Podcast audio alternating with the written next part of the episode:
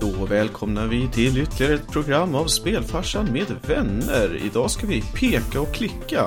Vi ska titta på äventyrsgenren där man inte använder piltangenterna utan man använder musen för att ta sig fram och lösa små roliga pussel. Eller, ibland var de ganska tråkiga pussel och väldigt, väldigt frustrerande pussel. Men återigen så höll den vid skärmen helt enkelt för man ville ju veta hur det skulle sluta. Eh, jag tänkte väl att vi sparkar igång helt enkelt med att prata lite om själva genren och hur vi tror att den kom till och speciellt varför folk blev så tagna vid den och kanske även också hur det kommer sig att den dog ut under en lång tid nu innan den kom tillbaka med till exempel Double Fine Games med flera. Så att eh, jag tänkte ju egentligen fråga Linda, när var det första gången som du började peka och klicka egentligen?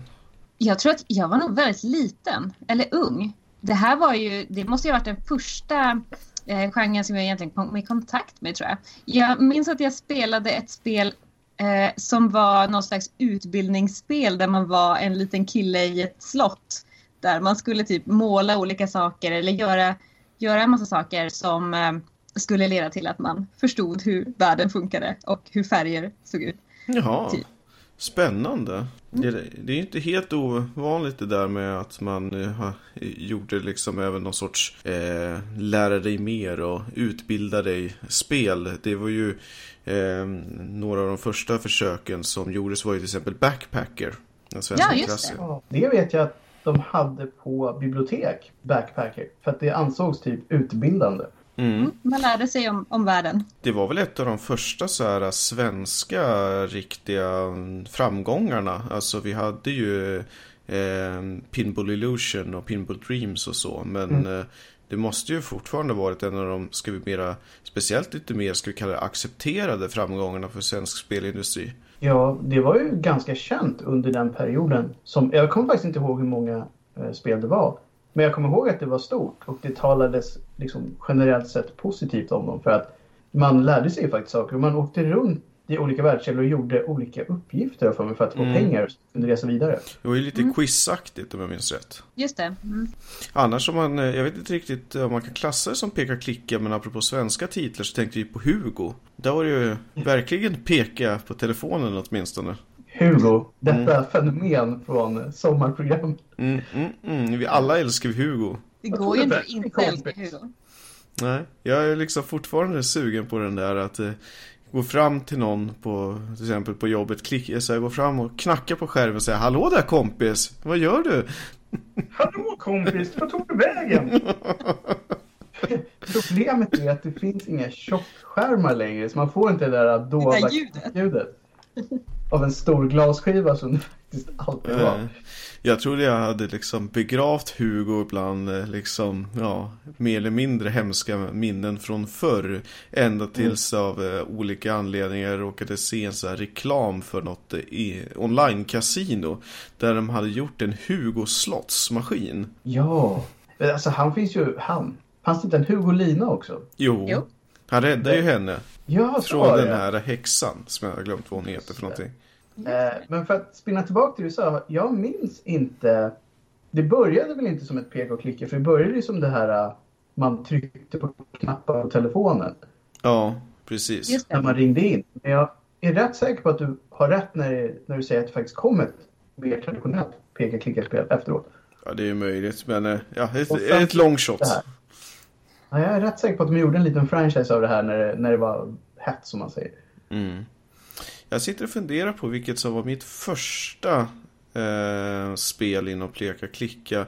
Jag lutar åt att antingen så var det Beneath the Steel Sky eller om det kan ha varit eh, Simon the Saucer. Jag är inte riktigt säker på vilket det var av dem. Men en Lucas Arts-titel var det i alla fall. Så att det måste nog ha varit eh, Beneath the Steel Sky. Eh, Simon the Sorcerer var ju faktiskt inte ett Lucas Arts. Nej, precis. Men eh, jag funderar lite på att kan inte det, om man ska vara helt ärlig, alltså klick och peka, egentligen en förlängning av de här textbaserade äventyrsspelen som var tidigare. Det här var liksom nästa steg, att man hade bilder att interagera med. Ja, precis. Det kommer från den här uh, MUD ja, varianten från start. Mm. Istället för att liksom skriva Go West, Go West, mm. Go South, Click On så fick man ett interface istället och hade bilder och röra sig med. Liksom. Det har du ju absolut rätt i. Men det intressanta med peka-klicka var ju att det var ju det som egentligen födde äventyrsgenren på någon nivå. Verkligen. Mm. Eh, och där hade vi ju verkligen Lucas Arts att tacka för att de drog igång den här genren. Ja, de var ju var giganter alltså, på alla möjliga sätt. Det var ju lite det som var måttstocken som alla mätte sig mot om de ville in på samma område. Som till exempel Sierra som ju var bland de större men de var ju alltid lite i skuggan ändå. Mm. Det intressanta med peka klicka är ju också att det var ju en tidig föregångare till real time events eh, biten egentligen. Just det mm. här att man eh, liksom hade ett val. Men egentligen hade du ju kanske bara tre val vad du kunde klicka på. Ja, alltså det är ju en gammal klassisk metod i alla de här spelen. Att man körde fast så öppnade man sitt inventory och tryckte på allt med allt till någonting hände. Mm. För ofta så var ju det hela poängen att det är också intressant att de allra flesta peka-klicka-spel är ju humorbaserade på ett eller annat mm. sätt. Så det var ju oftast ganska ologiska saker, till exempel att man ska mycket så här att man spinner på ord, att man hade skiftnyckel och en, om det var en apa eller någonting för att kalla det för Monkey Branch eller någonting i den stilen. Alltså, att, eh, alltså mm. pusslerna var ju baserade på Eh, att det skulle vara en rolig idé mer än att det skulle vara riktigt logiskt. Att det är skiftnyckeln och det här kugghjulet och så vidare. Jag tror att det, för det första så var det säkert så att det medvetet skulle vara roligt. Men jag tror också att det ger lite mer svängrum för att då kan man ha lite mer ologiska pussel. Eh, om man har typ, du måste kombinera den här bläckfisken med den här toaletten och sen spola för att det ska komma ut någonting i avloppet på ett annat ställe. Eh, som det var i Discord till exempel, som var helt omöjligt att komma på om man inte bara testade allt med allt. Eh, och det tror jag just för att då kunde man lägga in lite mer svårigheter och då tog det längre tid att klara pussel. Mm. Ja, för att egentligen så var ju inte spelen särskilt långa. Det handlade ju bara om att de var kluriga pussel. Mm. Uh, jag tror att det är som många av de här äldre spelen, för det här, de flesta av de här spelen kom ut antingen sent 80-tal eller typ tidigt del av 90-talet. Uh, så att jag tror att då hade man inte så mycket liksom, att röra sig med. Så att det var som alltid förut, man försökte padda så mycket som möjligt genom att göra det svårt. Ja, det är ju samma fenomen som vi var inne på under våran eh, ja, tuffa plattformstitlar. Ja, och Smupp och allt möjligt som kom eh, i början liksom på speleran. Eh, mm. Ett spel som jag tror var mitt första, även fast jag inte spelade när det kom ut, det var Maniac Mansion som var spelet som kom innan Day of the Tentacle. Eh, och det kom ju ursprungligen ut 87. Men jag körde det relativt tidigt på 90-talet vet jag och då var det helt omöjligt att klara skulle jag säga. Och eh, det hade ju en rätt häftig grej för att man hade ju, jag kommer inte ihåg hur många, det handlar om ett gäng ungdomar som åker till det här uh, Maniac Mansion. Och man fick välja fyra valfria karaktärer. Och de kunde olika saker. Och mm. valde man fel så gick det inte att klara spelet. Det fanns bara ett visst antal personer som kunde de grejerna man behövde. Mm. Så att eh, valde man fel och körde ett gäng timmar så var det över. Alla blev tagna av den här elaka häxan eller på att säga och satt i finkan och så klarar man inte. Typ som Hugo. Valde man, valde man Surf Dude som typ hette Surf Dude så var det kört. För han var bara en skön dude, han kunde ingenting. Men det är ganska unikt för den genren att det, att det finns en möjlighet att man inte klarar av det. Jag tror faktiskt det är det enda sånt spel jag har kört där det är meningen att man inte ska kunna klara det om man bara väljer fel. Ja. ja, jag tänkte väl på, ja, Eh, till exempel så har Indiana Jones eh, eh, Atlantis har ju så här bad ending. Jo precis, men där är ju men det är slut. Mm. Här var det bara så här, nej du kan inte klara det här pusslet för att eh, Lars är dum i huvudet. Ja. Så. Det är ju Och rätt så schysst. Och då var det trial and error som var grejen i det spelet. Så det var uh, verkligen så här uh, det som har kommit i senare form av sådana spel som, som verkligen jobbar för att du inte ska klara det. Ja, verkligen. Alltså jag, jag kommer ihåg, för jag körde det här väldigt mycket och jag klarade aldrig för det var så här, det går inte att lösa de här pusslen. Man hinner typ inte att hämta den där grejen. Eller så stod någon och sa så här, jag vet inte hur jag öppnar den här dörren. Och sen på typ väldigt mycket senare år när jag läste om det här spelet så var det så här, ja men om du valde Steve så är det kört. Du måste välja de här. Man får någon så här subtil hint när de åker dit om vem som är smart och inte för de pratar med varandra. Det var rätt kört när man var så liten och inte var überbra på engelska. Nej, det är så sant. Men det var jag tycker ändå det är intressant det här med alternativa slut. För det har ju Ja, det har väl börjat komma tillbaka lite grann. Men det var ju ett tag att det, det har ju inte existerat under en lång period. I någon större utsträckning i alla fall. Nej, det har du nog helt rätt i. Det, det fanns en del spel då. Sen har det varit borta väldigt länge. Men jag tror att just att folk numera när det här alternativa slutet har börjat bli lite populärt igen att det behöver inte alltid gå bra. Mm. Så är det oftast uppskattat att det finns ett slut som speglar när man tog alla fel val eller vad man ska säga. För jag menar till exempel som Chrono Trigger har ju tio olika slut. Så att... Eh, ja. Men det, undrar om inte det hängde ihop lite för vi hade ju en era, kommer ni ihåg när man hade tv-serier som man fick rösta om hur de skulle sluta? Japp. Yep. Just det. De var hemskt dåliga. Men ja. Ja, ja men A for effort alltså. Verkligen.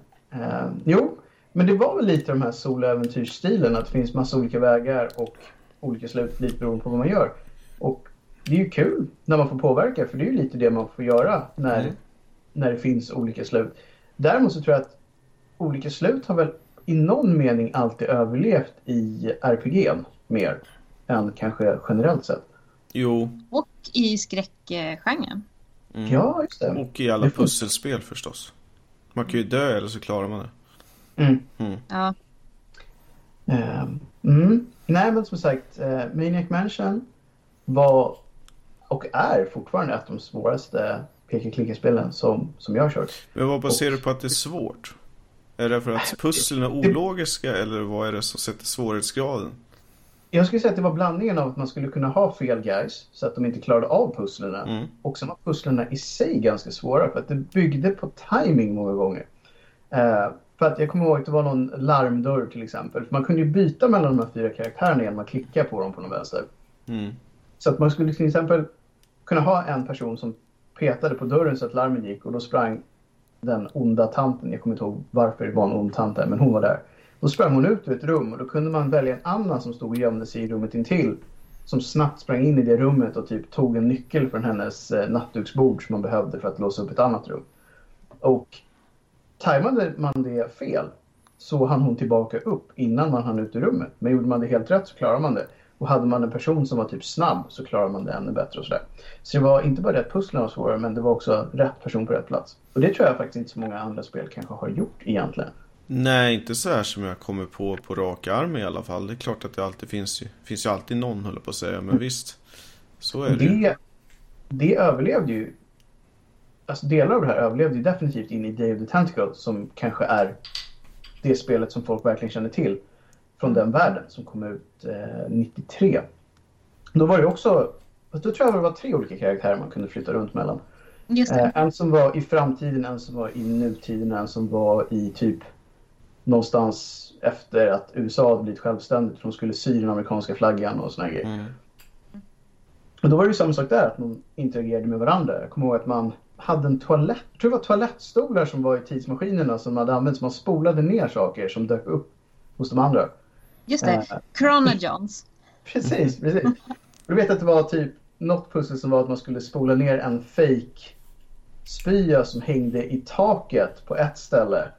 Men man fick ner den från taket genom att välta en högtalare i någon annan tid och sen dra på ljudet så att den vibrerade loss och sen så skickade man det från den som det trillade ner hos till den som var i framtiden. Och då la man den framför en snubbe så det skulle verka som att han hade spytt så att man skulle vinna en tävling som det var helt omöjligt att vinna annars och såna grejer. Ja. Så att det var ju... De hade tänkt mycket på det där just hur man kunde få ihop olika tidslinjer i samma pussel. Det var ju faktiskt en jättekul grej. Och de hade ju också, det var ju något eh, pussel där man skulle sy en dräkt. För det som hade hänt var ju att eh, de här The Purple, eller vad hette de? Purple Tentacle. Purple Tentacle hade kommit. Eh, och sen Eh, var ju ett pussel att man skulle sy en dräkt och låtsas vara en sån där. Mm. Och då var det ju bara en som var duktig på att sy. Och eh, jag tror att det var Laverne, tjejen. Yes. Yes.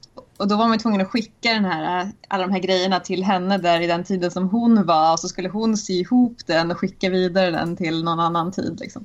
Man lyckades ju eh, i slutänden, för man fick ju den här som satt och sydde flaggan och sy den där.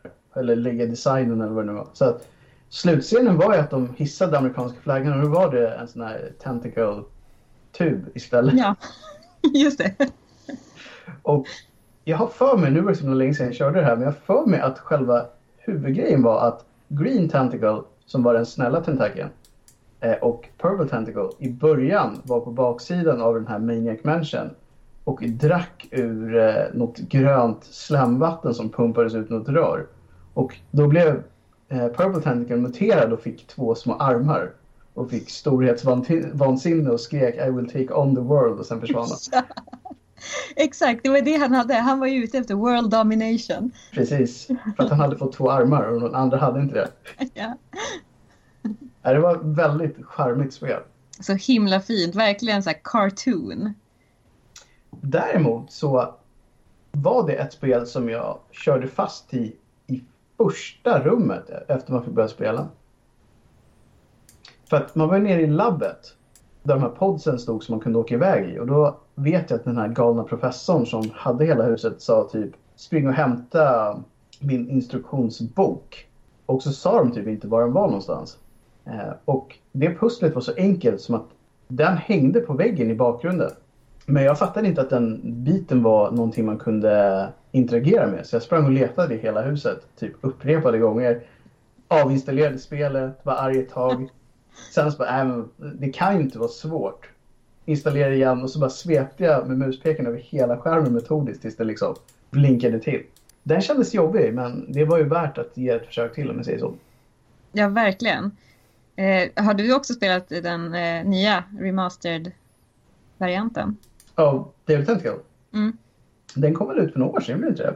Ja, precis. Den är ganska ny. Jag tror att jag... Antingen så såg jag någon spela den eller så spelade jag typ ett demo eller någonting. Men det kändes eh, som att jag fortfarande kom ihåg pusslen och då kändes det kanske inte så jätteroligt att köra igenom hela igen. Men eh, det skulle vara kul att se någon som aldrig har kört det prova det nu och se om de skulle gilla det lika mycket. Jag kanske borde testa, för jag, har, det jag är inte säker på att jag skulle komma ihåg någonting. Mm. Det skulle kunna vara värt att göra en livestream. Spelfarsan med vänner klarar Dave the Tentacle? Frågetecken.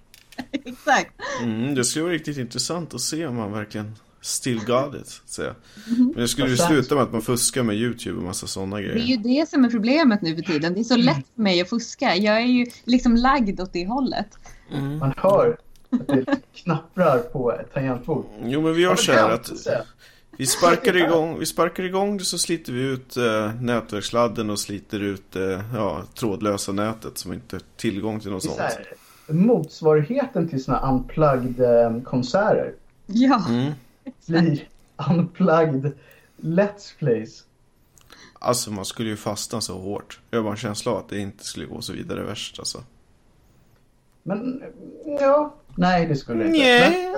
Men jag tror faktiskt vi skulle klara det men man har inte blivit senil riktigt än. Eller? Ja, ja, alltså jag tror att man skulle fastna på såna här skitgrej som man råkar ha glömt och så skulle man liksom, ja. Mm.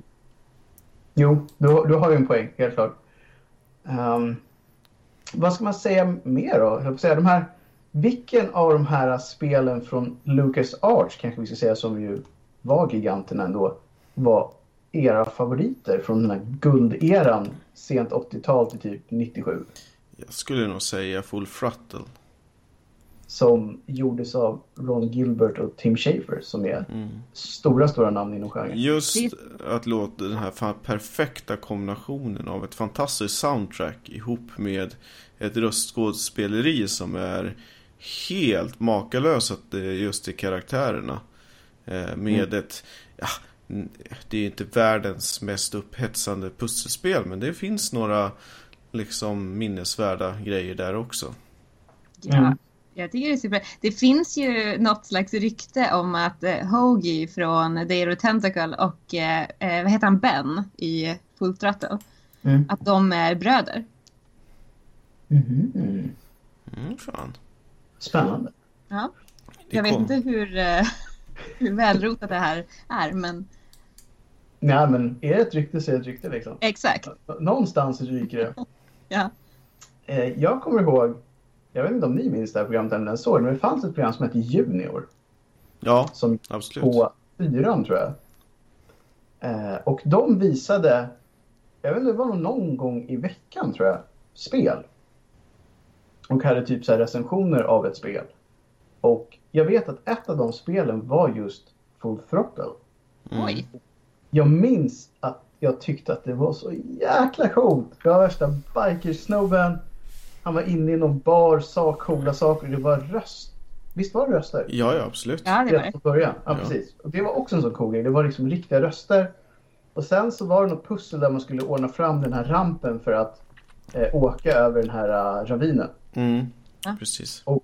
Han brände iväg med den där bågen och det var så här. Kanske det coolaste spelet jag hade sett inom genren. Så Mm. det var bara dagen efter. Men var det, Junior låter ju som ett barnprogram. Jag skulle tro att det numera är väl ett ungdomsprogram. Eh, gissar jag att det var. För att det var ju lite. Throttle känns ju som ett vuxenspel mer. Ja, Ja, men- på någon nivå. Det Jag hade ju slapstick-humor som var mer riktad åt vuxna kanske, men... Jag Ja. kan tänka mig att det numera skulle klassas som den här töntiga termen young adult. Mm. Och jag hatar verkligen den termen. Men jag tror att det är någonstans där det landar.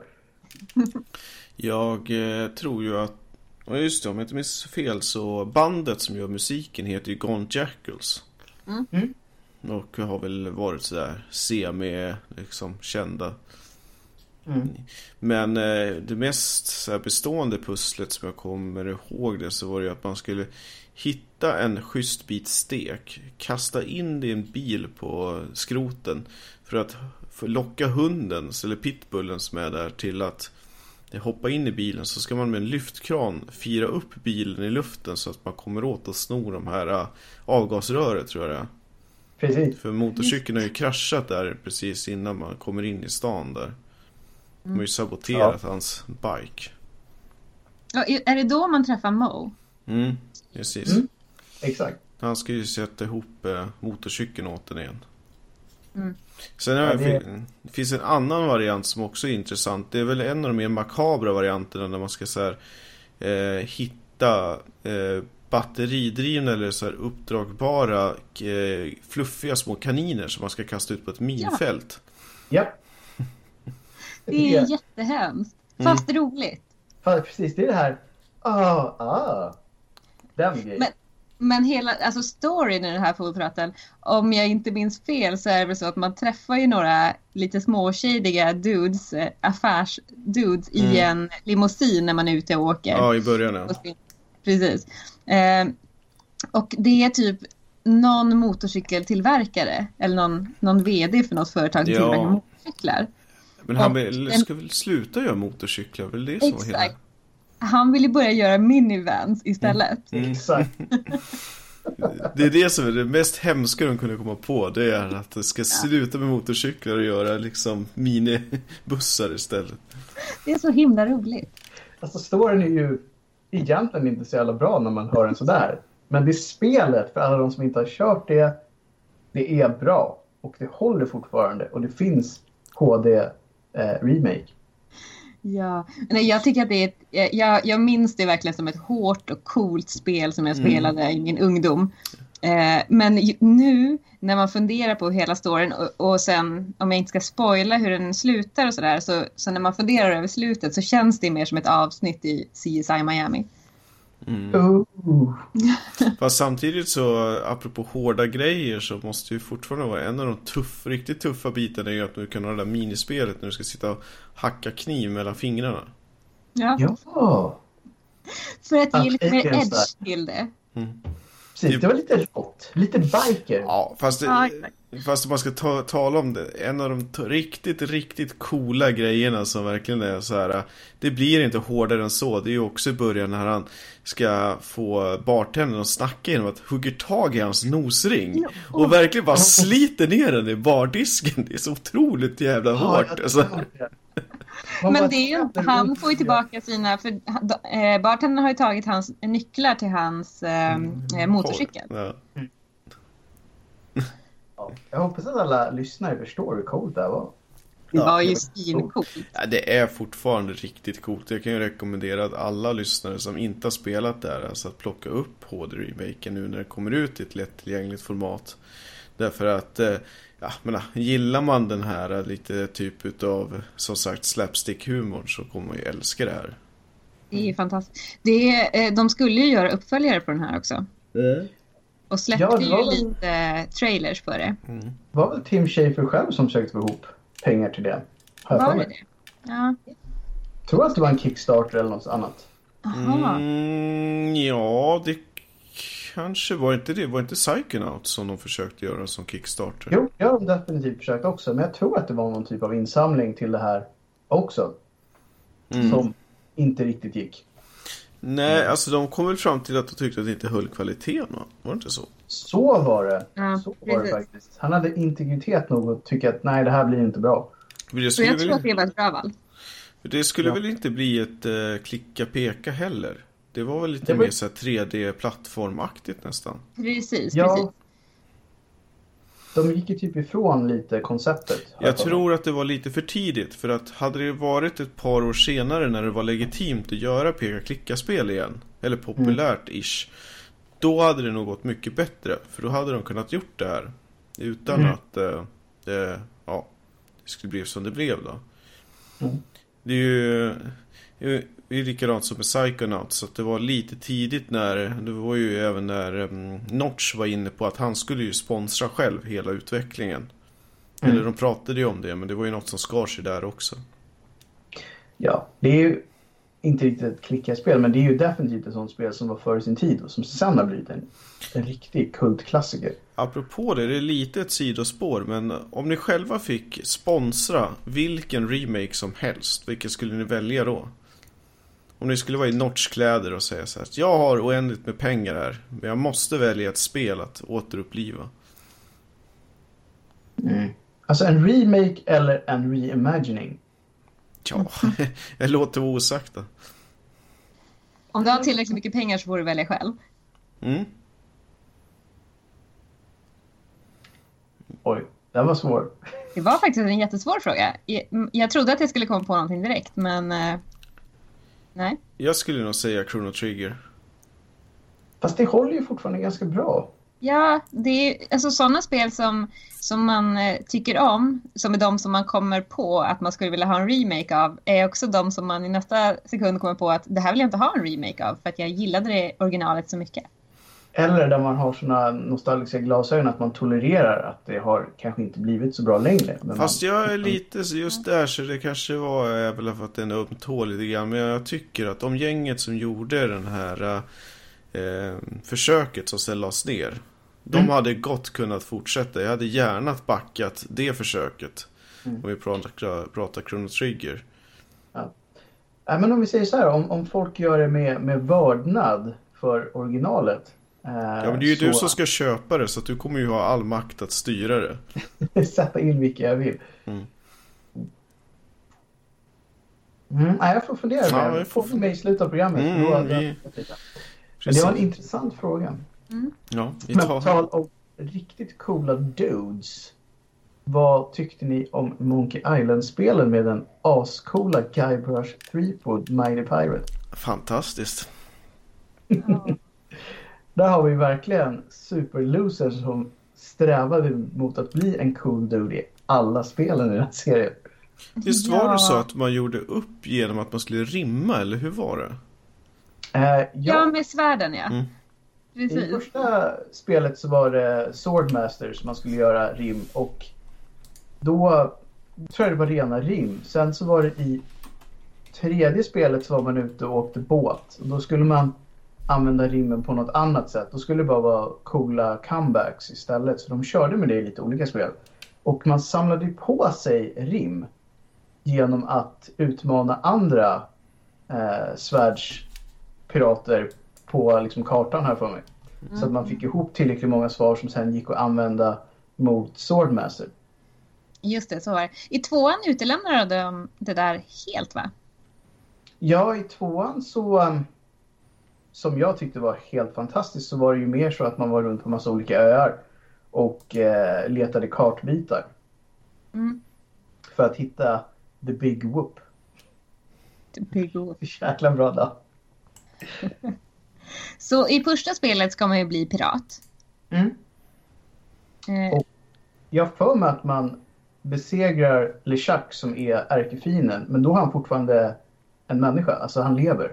Och sen i resten av spelen så är han ju någon slags zombie-pirat. just det. Som bara återuppstår varje gång och alltid ska hämnas, som de alltid måste göra såklart. Då är han typ Keith i Pirates-filmerna. Alltså grejen är att när man tänker efter, för de här var ju långt före Pirates of the Caribbean-filmerna. Så har ju de egentligen stulit typ en hel del av den skojfriska känslan från den serien. För det var ju verkligen slapstick-humor. Verkligen. Det är pirater, det är Karibien. Det är... Det var Vo- Voodoo Lady var ju alltid med. Eh, Ja. och det var liksom alltid massa fulla pirater i något in. Man skulle leta efter saker. Han var asdålig på allting, precis som eh, en viss Johnny Depp är. Mhm. Och så vidare och så vidare. Så det känns som att man hade tagit inspiration därifrån i alla fall. För det är ändå en rätt välkänd serie. Ja, verkligen. Jo, de måste ha suttit rätt länge för att försöka liksom bara skriva manus det där måste ha tagit en jäkla De måste ha haft, måste ha haft jäkligt kul när de gjorde det, kan jag tänka mig i alla fall. Ehm, Jag, jag, och sen får, så... Sen så var ju musiken riktigt bra också. Det var den verkligen. jag får lite känslan av att det är lite samma grej som när de satt och skrev ihop manuset i Jönssonligan. Fast resultatet blev väldigt mycket sämre. Jo, jo, men just det här att ja, vi ska hitta så här äh, konstiga sätt att bryta oss in på ställen med liksom gummianka och äh, så här uppblåsbar tub och allt vad det nu kan vara för någonting. Det är ju lite samma grej. Ja men det är ju lysande säger Mm, Charles Ingvar! Charles Ingvar. Ja, precis. Men det jag blev så sjukt besviken över med just Jönssonligan är att det var ju tydligen en rip-off på en dansk jäkla serie. Eh, som heter Olssonbanden. Och det är typ Mhm. en liten knubbis, en skojfrisk, snabb snubbe och ett eh, geni som bor hemma hos mamma. Alltså det är så här, men snälla. Kunde vi inte ens kommit på vår egen buskis? För det är ju verkligen det det är. Ja, men det är väl så att de eh, stora grejerna, det har man ju säkert snott någonstans. Skulle säkert kunna tänka mig att även Sällskapsresan är snott någonstans ifrån. Men inte det Lasse Åbergs lilla baby? Jo, det är väl klart att han har hämtat inspiration någonstans ifrån. Det gör väl alla på ett eller annat sätt. Jo, men, men du har nog ändå en liten poäng att lite samma grej bakom. Sen så i min personliga åsikt så blir Monkey Island extremt mycket bättre än Vanheden. Ni vet att det finns ett spel med Jönssonligan va? Det visste jag inte. Jo, det finns eh, eh, Jöl- Jönssonligan, Jakten på, på Mjölner och Jönssonligan går på djupet. Jakten på Mjölner. Ja? Det, det har de inte tagit från en film i alla fall. Nej. Men Gå på djupet var ju nästan som den som hette Dyker upp igen. Mm. Precis, det är fantastiska svenska filmer. Mm, mm, mm. Mycket rysk ubåt och Det- Finlandsfärger. Ja, just det här. ja. Mm.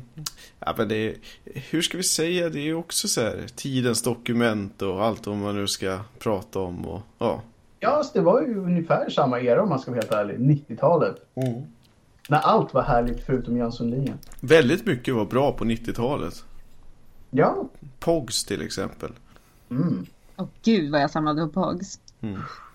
Herregud. Om det bara hade funnits ett klickspel med Pogs. Mm. Tamagotchi och Oj, oj, oj.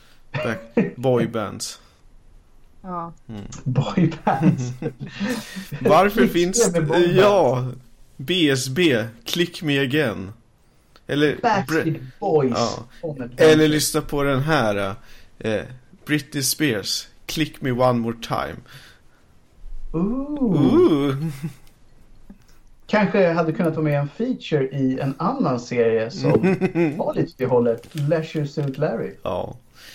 Där har vi ju en intressant titel, för det är en av de första titlarna som har blivit bandlyst. Det var ju lite i samma era. Wolfenstein 3D var ju först ut med att eh, bli eh, bandlyst diverse länder, mest för en nazireferenser, inte så mycket för våldet.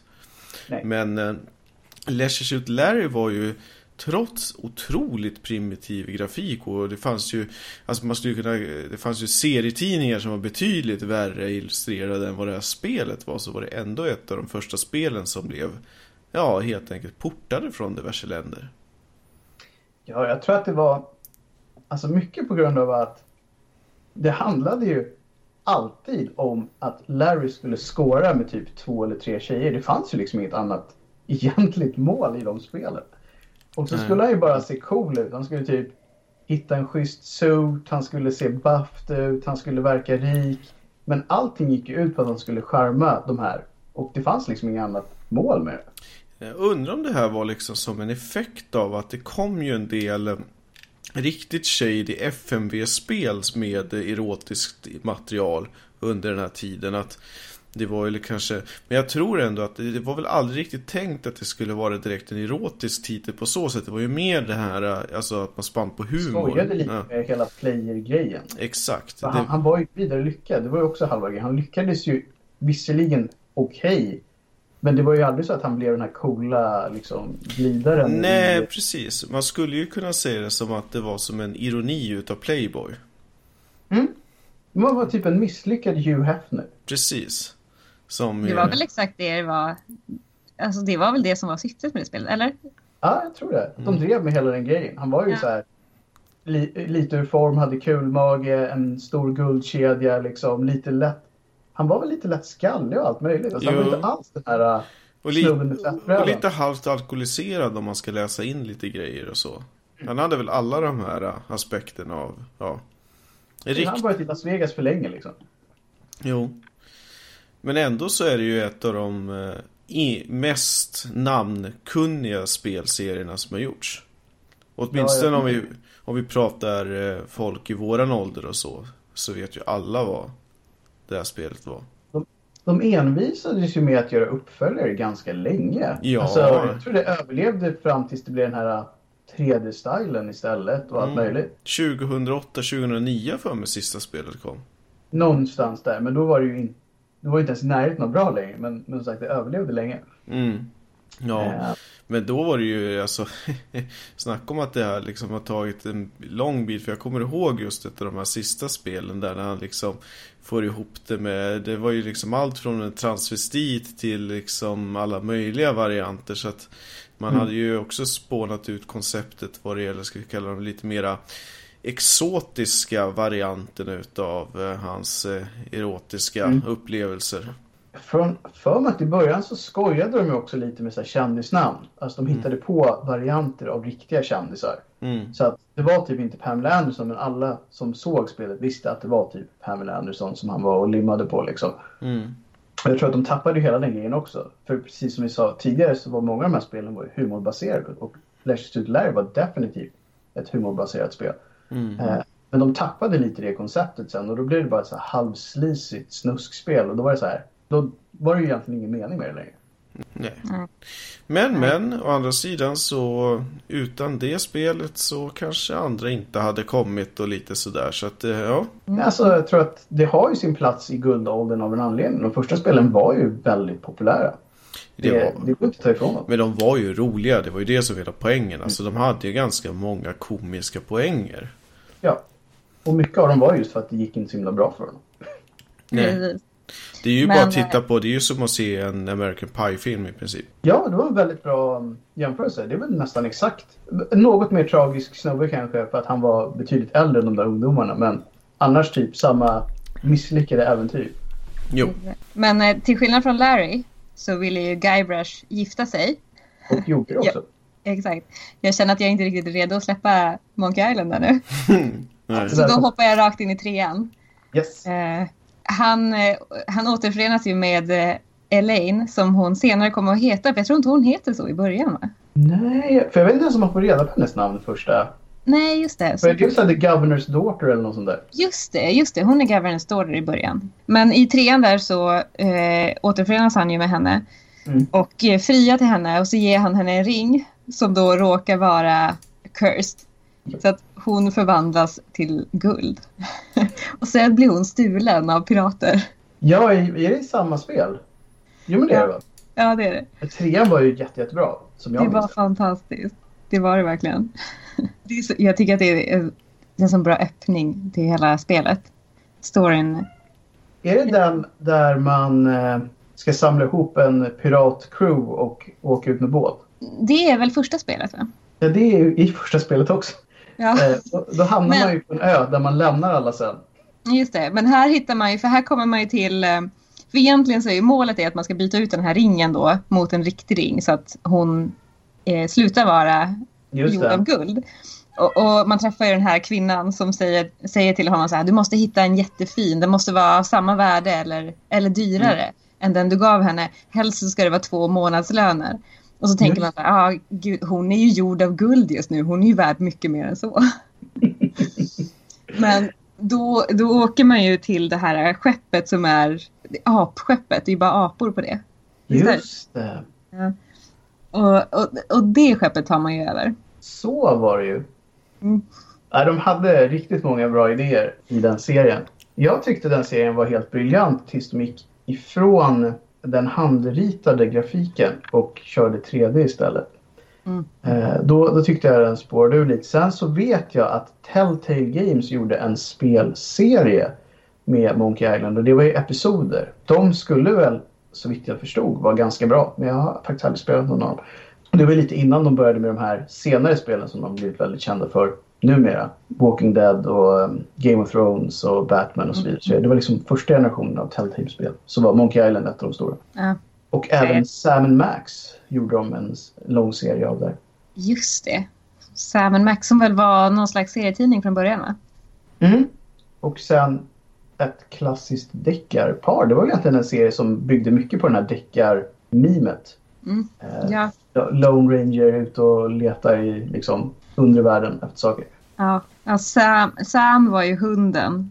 Som Mm. väl var han som var... Var han privatdeckare eller var han polis? Mm, Jag minns bra det som att han var... Oh, vad svårt. Jag har för mig att han hade någon typ av badge med sig. Ja, jag vill också minnas det. Men sen kändes det mer som att eh, han var en privatdeckare. Men, men han hade någon slags badge. Jag vet inte. Att eh, han var den snälla av dem. Ja, för Max var ju kanin. Han var kanin va? Ja. Ja, med jättestora öron. Och han var ju helt tokig. Han var, han var ju lite lätt så här deranged. Ja. Jag kommer ihåg någon, någonstans i spelet där så skulle man ju typ vända ut och in på en katt för att hitta en karta. Det var ju så här helt... Eh, Han sticker ner armen i magsäcken och vänder ut och in på den. Ja. Det var typ sådana saker som den karaktären alltid gjorde. ja. Mm. Så ja. Men det var ju också den storyn till första spelet, Hit the Road heter den va? Mm. Det, var, det, va- det handlade om att Bigfoot hade försvunnit från någon sån här karneval. Och de skulle Ja. hitta Bigfoot igen. Precis. Det är ju Ja, det var- intressant. Det var också en sån här cool värld. Alltså de lyckades väldigt bra med sina världar under den här perioden. Så att, Mm. Även fast det var så helt störda grejer man gjorde i dem så kändes det ganska logiskt just där och då. Speciellt sen när de återfann. Jag tror att det var så att de återfann Bigfoot på någon konsert. Mm. Där det fanns någon så här alternativ Elvis som hade Ja. honom som bakgrunds... Om han Exakt. spelade triangel eller någonting. Jo, triangel var det, tror jag. Ja. Jag är nästan säker på att det var triangel. Men ingen publik heller. Nej. Vilket var väldigt spännande. Men apropå de här lite skruvade grejerna så var ju också Grim Fandango ett sådant spel där man helt enkelt eh, har dött. Och eh, när man då väl kommer till eh, steget mellan ja, levande och eh, vad som kommer härefter. Så beroende på hur man har gjort eller varit i sitt liv så kan man ju komma lite olika bekvämt till den slutgiltiga destinationen. Och har man ju varit riktigt duktig då får man ju åka expresståget. Och eh, annars kan man få åka buss och sådär. Och de förlorade själarna, de får ju gå.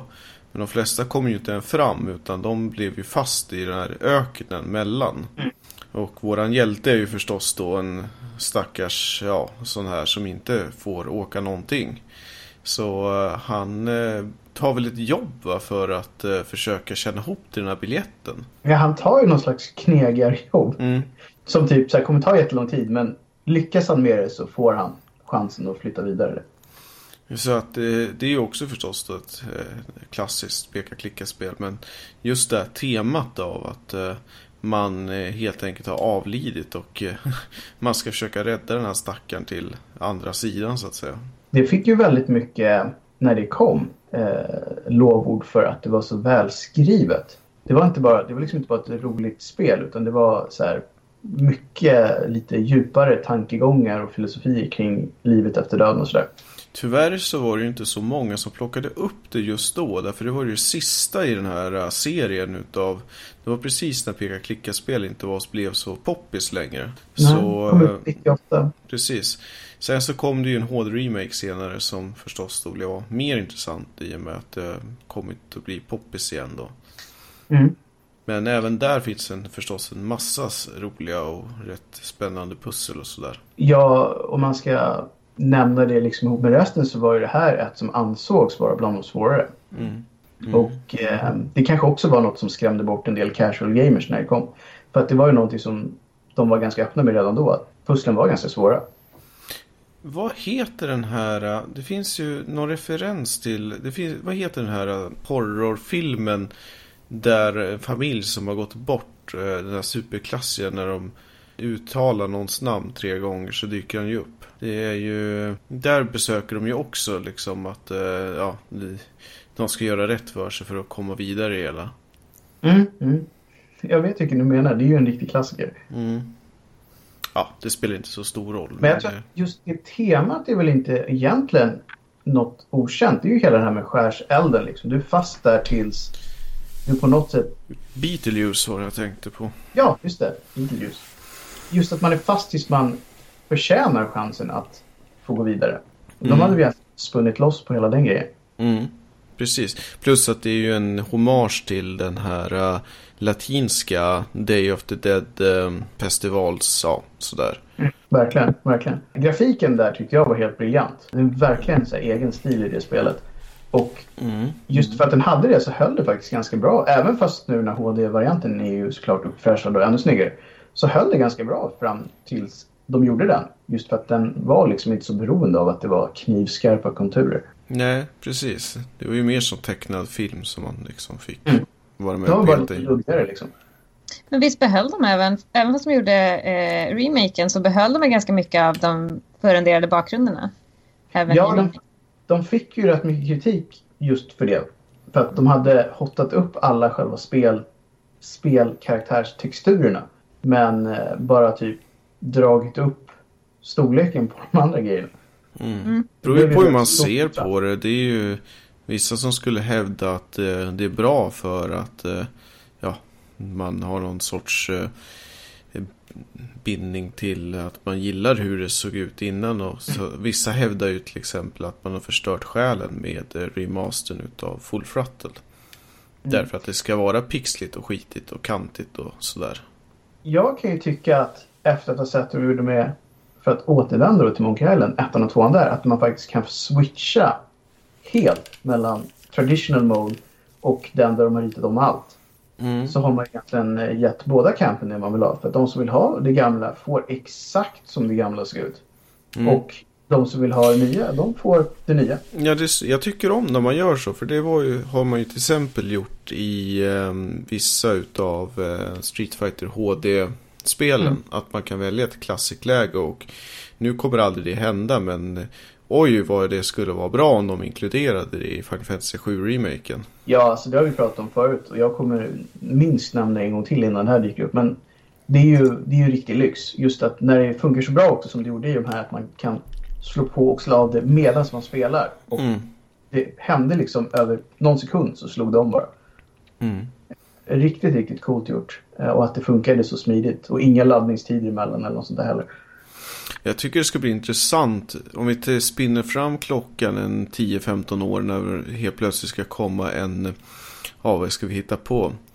En eh, 16K remix utav Witcher 3 som är ett nostalgiskt pixelspel från 20, anno 2016 liksom, eller 2015. Att eh, hur man då, hur man kommer se på mm, grafik då och nu och så vidare. För det kommer ju så, förstås vara likadant. Ja, alltså det är väldigt svårt att säga. Jag menar, jag tror att det kommer vara exakt samma grej då som det är nu. Att gör man det på rätt sätt så kan det bli jättebra.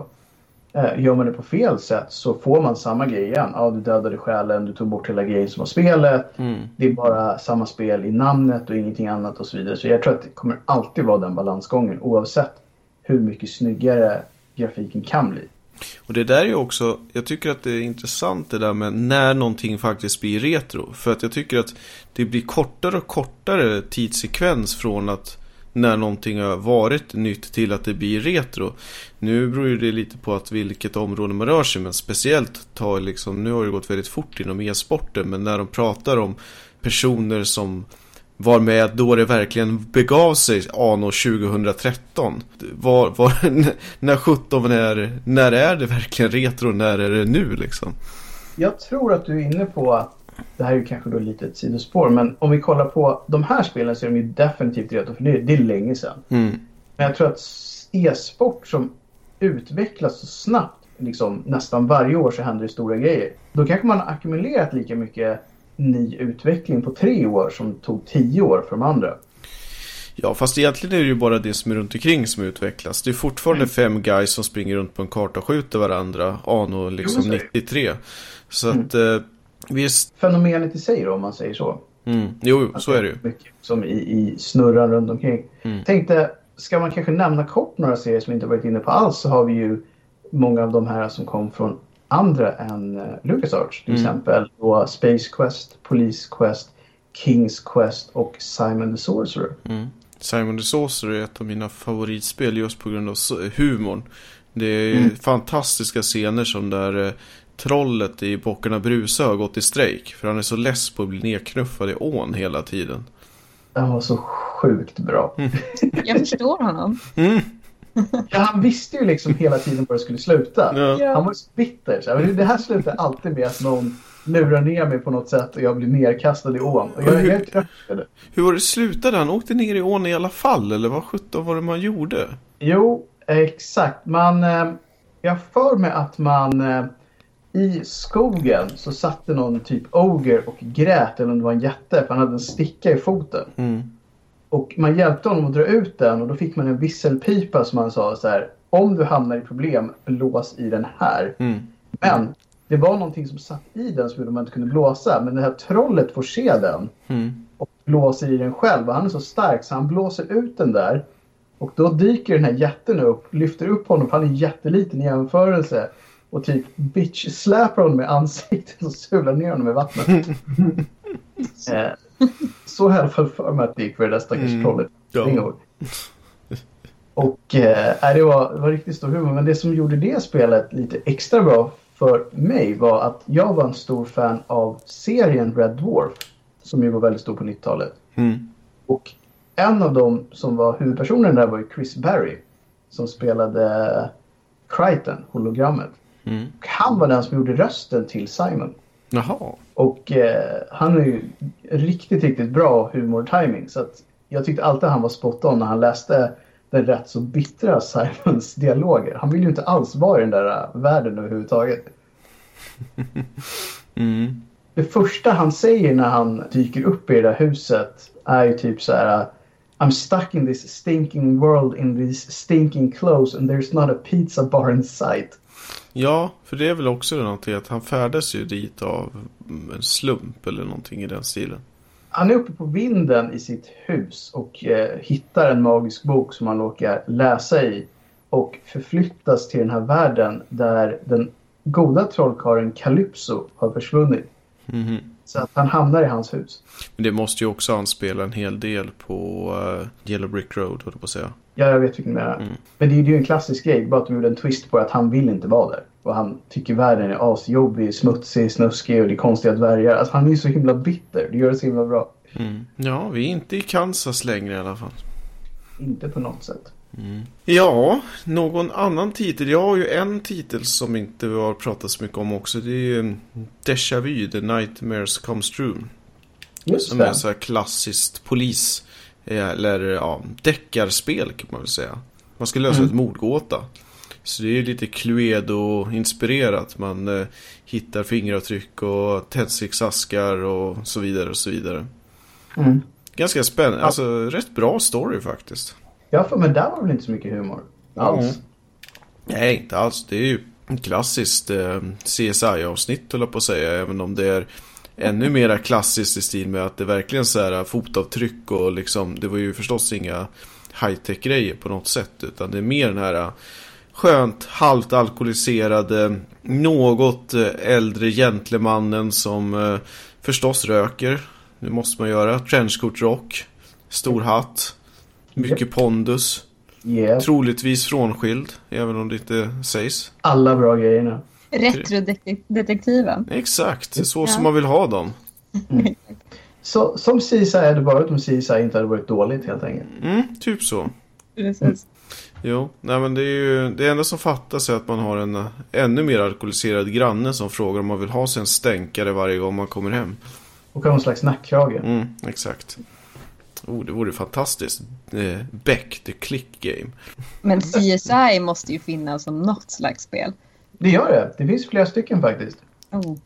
Mm. Precis vad jag ville höra. Jag vet faktiskt inte vilken typ av spel det är. Eh, men det är deckarspel. Så att jag tror det är säkert Fast det kanske till och med är något jävla klickspel.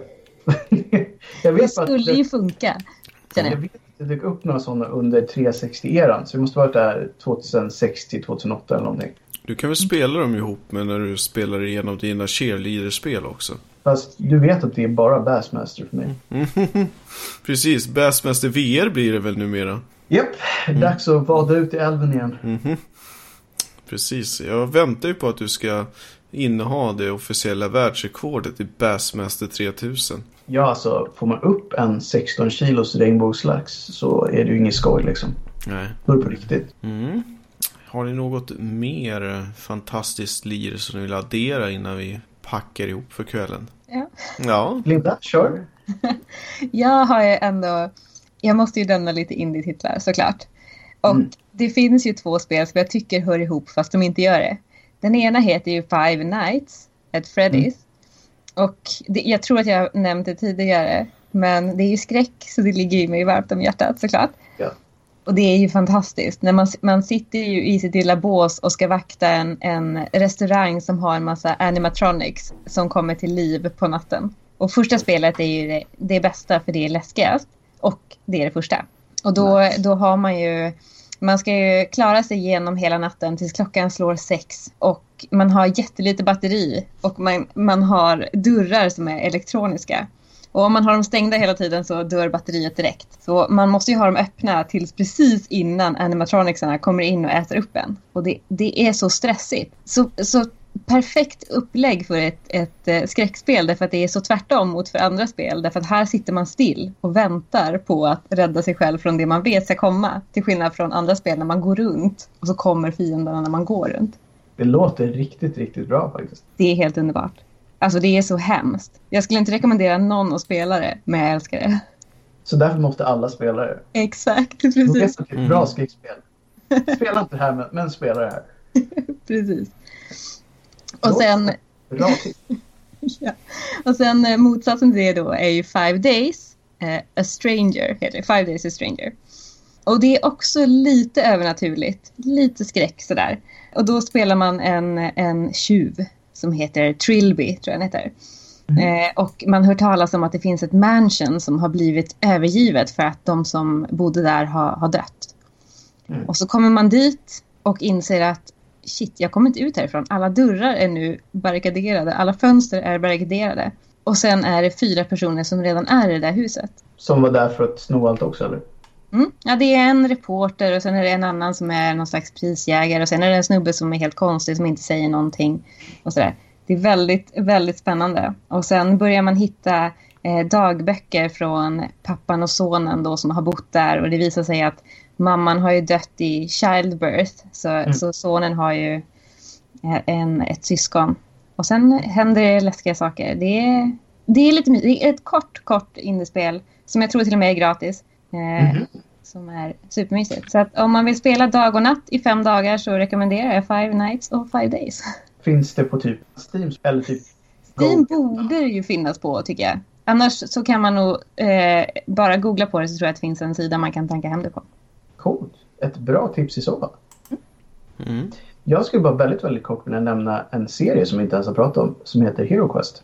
Just eh, som eh, jag vet inte hur många spel det är nu, men det som var häftigt med den från början var egentligen att man kan bygga på samma karaktär genom alla spelen. Det är samma karaktär, men de har lite rollspels-vibes. Så att man har olika stats och kan plocka på sig olika färdigheter som man sen via save-filer kunde föra vidare till nästa spel och då lösa pussel på alternativa sätt som inte gick om man bara körde det spelet eh, rakt av.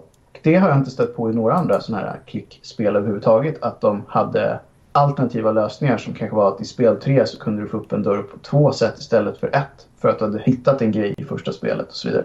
Mm. Mm. Väldigt, väldigt häftigt. Mm, och det var sådär fyra spel som var riktigt, riktigt bra. Sen tror jag de gjorde samma misstag där som många andra. Att det skulle bli tre del plötsligt och då var det inte bra längre. Mm, ja. Det finns ett par stycken spelgenrer som inte gör sig i 3D. Fighting är ett.